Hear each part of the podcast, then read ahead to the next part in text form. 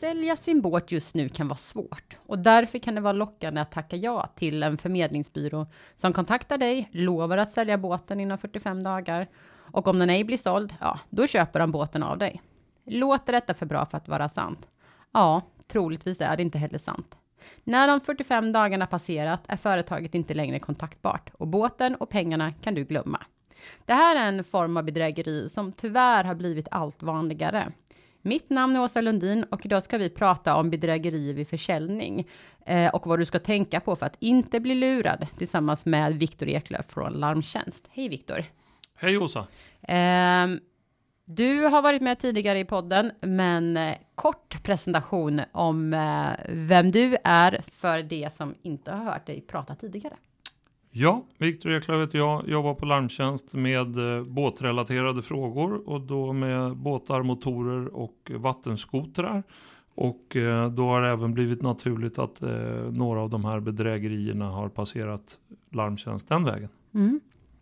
Um, vi, eh, just nu är det, så jag förstår det, lite trögt på båtmarknaden. Det kan vara svårsålt att uh, bli av med sin, uh, sin båt och motor. Va, varför är det så?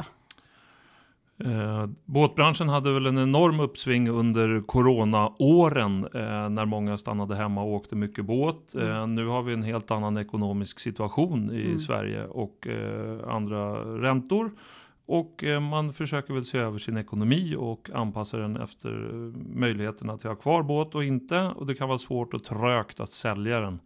Och eh, det är väl då man kommer in som bedragare och ser möjligheterna till att eh, göra en snabb affär. Mm.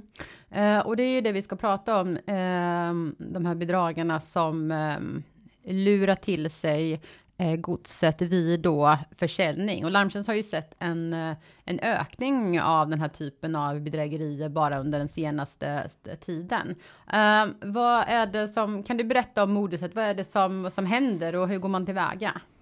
Ja, de ärenden som har nått oss, eh, som jag tror är förhållandevis få ärenden som har kommit in till larmtjänst. Men de vi har nåtts av är eh, när man eh, lägger ut eh, sin båt eller vattenskoter eller både dera på, till försäljning på någon eh, lämplig försäljningssajt, eh, till exempel Blocket.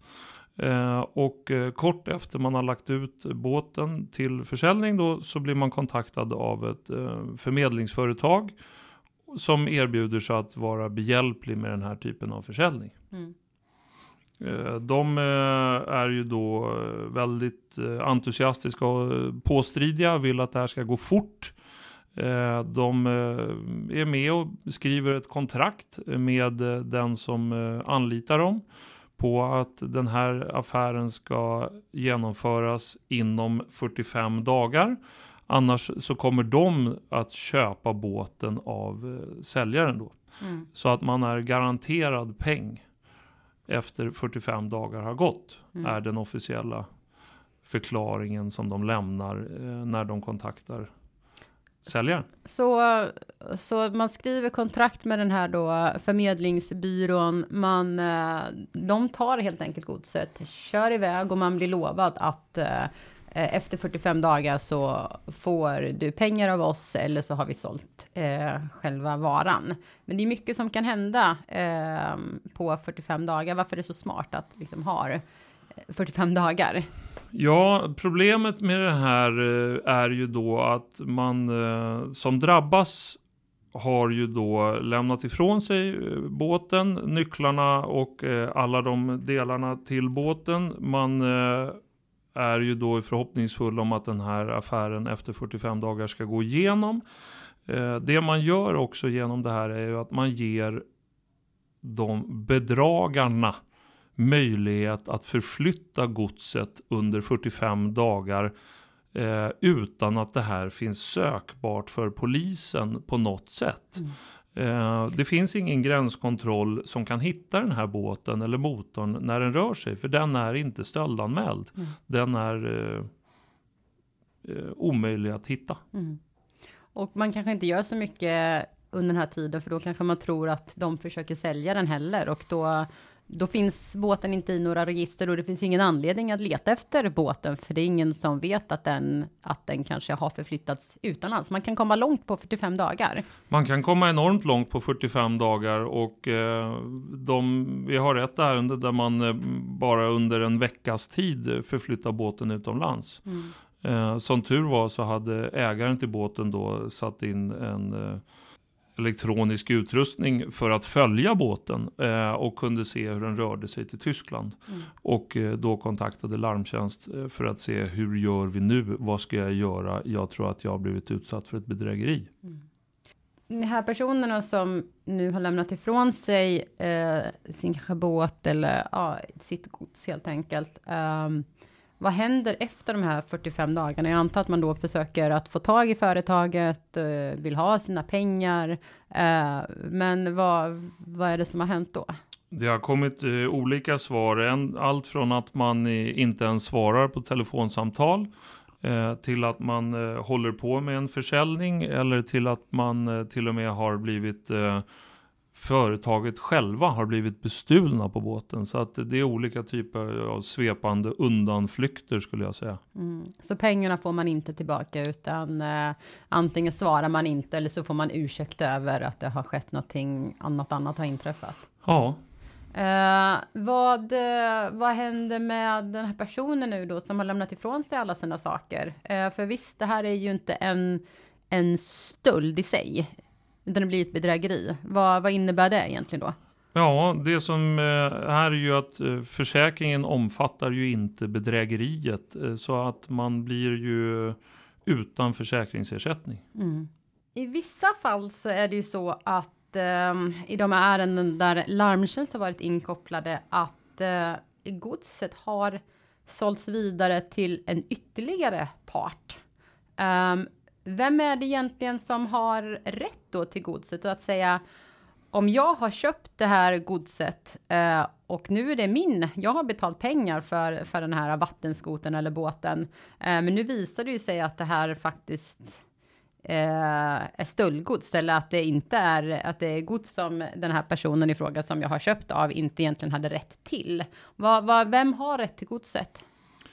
Ja, det här vet vi ännu inte riktigt eftersom eh, det här har pågått ungefär i ett och ett halvt års tid som Larmtjänst känner till eller som vi har varit delaktiga i det här. Och eh, vi har två eller tre ärenden kan man säga där man har anträffat godset i Tyskland eh, och det finns då en, en tysk köpare som har kommit upp till Sverige, köpt sig båten, inte ont anande som att man eh, köper någonting som någonting annan har blivit frånlurad och eh, betalar för den här, tar med sig den hem till Tyskland eh, och sen konstaterar man att det här är stulet.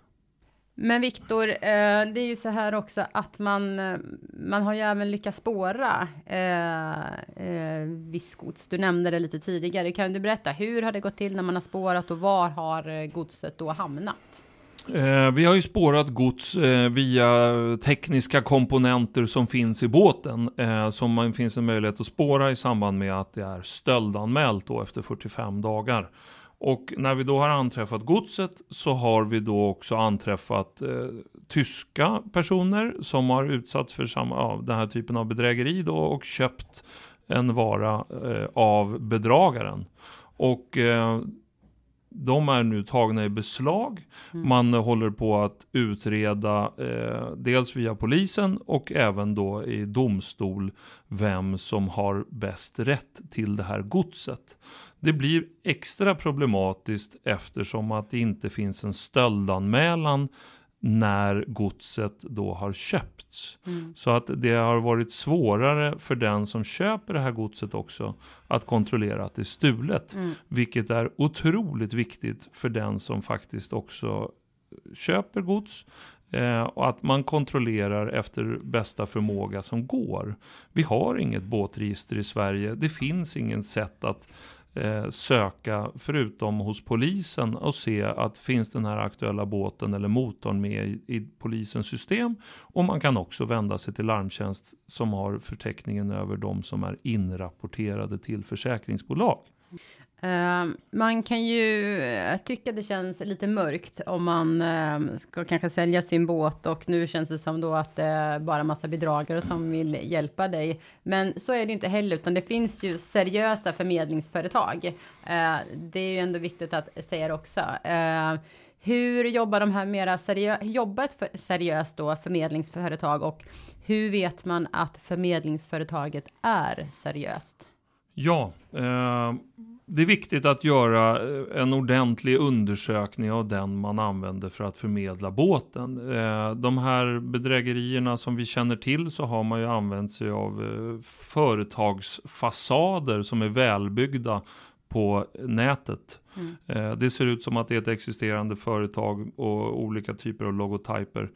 Ehm, det är viktigt att kontrollera den man använder eller anlitar för att hantera den här försäljningen. Och eh, just när det gäller båtar så är det lättaste att använda sig av eh, de som är anslutna till båtbranschens intresseorganisation Sweboat. Mm. Man kan vända sig till Sweboat, man kan stämma av med dem. Eh, den här som jag har för avsikt att sälja min båt hos, är den ansluten hos er? Mm. Så eh, ett effektivt sätt att i alla fall börja på det är att eh, göra ett samtal till Svebot och eh, kolla så att eh, de i alla fall är anslutna till dem.